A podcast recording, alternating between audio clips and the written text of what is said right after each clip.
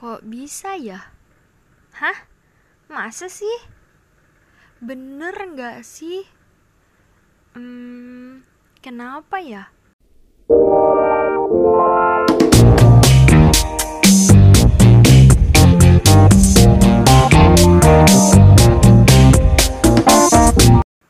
Jadi, di podcast kali ini kita bakal membahas tentang berpikir kritis. Kenapa sih kita harus punya kemampuan untuk berpikir kritis?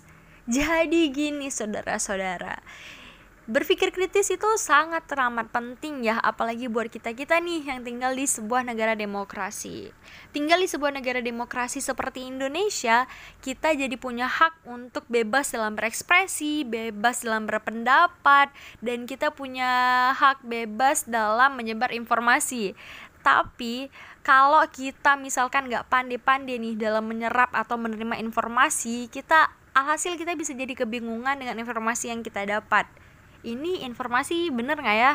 Ini jangan-jangan hoax lagi.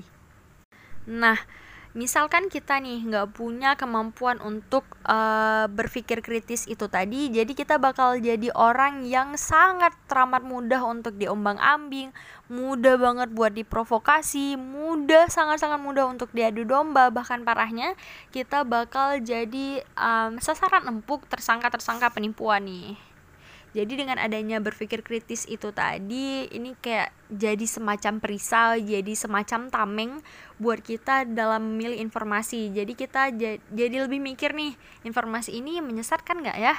Informasi ini bener nggak ya? Bisa dipercaya nggak ya?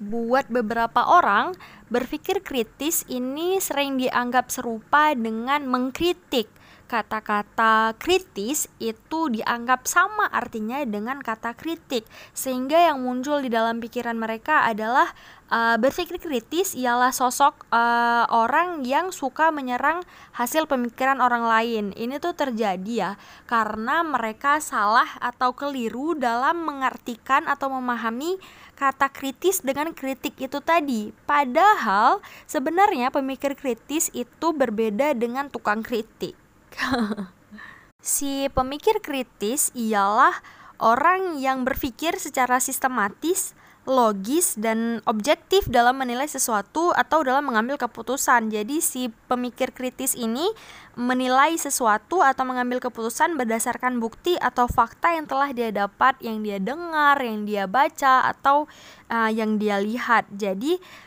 uh, si pemikir kritis ini bukanlah orang yang suka mencari kelemahan orang lain. Terus nih, apa aja sih ciri-ciri si pemikir kritis itu tadi? Nah, ciri-ciri yang pertama orang yang berpikir kritis itu ketika mendapatkan sebuah berita atau mendapatkan sebuah informasi, dia nggak nggak pernah lupa untuk mengecek sumber informasi tersebut. Misalkan dia mempertanyakan nih, informasi ini dia dapat dari mana ya, sumbernya terpercaya nggak ya? Jadi dia enggak mudah untuk menerima atau menelan sebuah informasi. Jadi dipertanyakan dulu nih kebenaran informasi ini.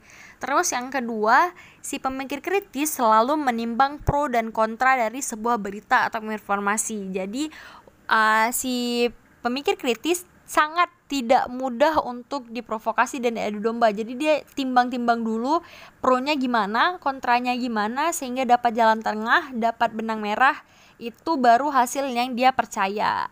Terus yang ketiga, ciri-ciri dari pemikir kritis ini dia punya rasa penasaran rasa penasaran yang tinggi terhadap sebuah sebuah informasi dan dia nggak uh, mudah uh, percaya sebelum dia mencermati bukti-bukti yang telah dia dapat.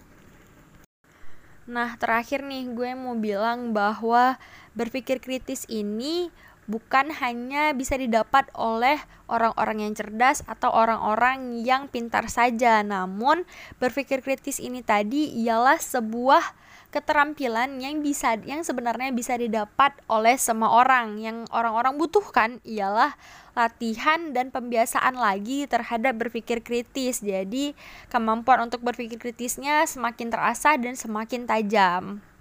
Nah, yang terakhir nih buat kita-kita, jadi ketika kita mendapatkan sebuah informasi atau sebuah berita, nggak ada salahnya dong kita cek dan recheck dulu kebenaran dari berita tersebut.